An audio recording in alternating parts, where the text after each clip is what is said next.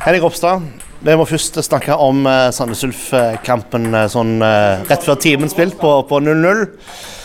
Så får du sikkert tidenes drømmemulighet. Hva, hva er det egentlig som skjer på det hjørnesparket der? Nei, Det er vel feil mann på riktig sted, det er kanskje noe sånt. Eh, ballen detter inn på fem meter. Jeg kan egentlig bare breise den inn, men så blir det en misforståelse og sjansen glipper, dessverre. Så. Ja, for, for på reprisen ser det ut som du heller spenner i lufta. Ja, det, jeg ser Segberg komme der, og så trekker jeg trekker meg for det. Jeg vil ikke ødelegge at han heller skårer. så Det er en dårlig misforståelse. Så ja, det, det er surt å tenke tilbake på. Var det da kampen ble tapt? jeg er kanskje litt hardt, men uh, jeg kan ta den. For uh, status nå etter fire kamper er to seire og to tap. Det er ikke akkurat en drømmestart på Obos-ligasesongen?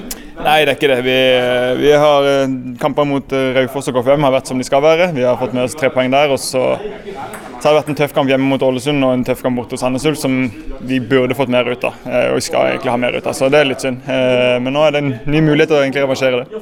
Ja, for nå er det jo Sandefjord som kommer på besøk. Jeg har sett på statistikken. Sist Start vant mot Sandefjord var i 2015. Ellers så ble det jo tap 4-1 både hjemme og borte i fjor.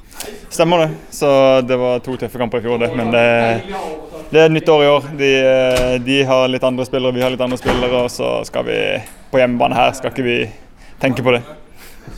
For hvordan skal Sandefjord slås? Nei, det er litt sånn som vi ønsker å fremstå på hjemmebane. Alle mann i angrep og spille offensiv fotball. Så skal de kjenne på at de er dårligere defensivt enn de er offensivt, så de skal få, måtte forsvare seg. Så da, da, kan vi skape litt på det. Har du en plan på hvordan du skal stoppe Henrik Valais? Ja, vi har plan på, plan på alle. Fotballekstra før avspark.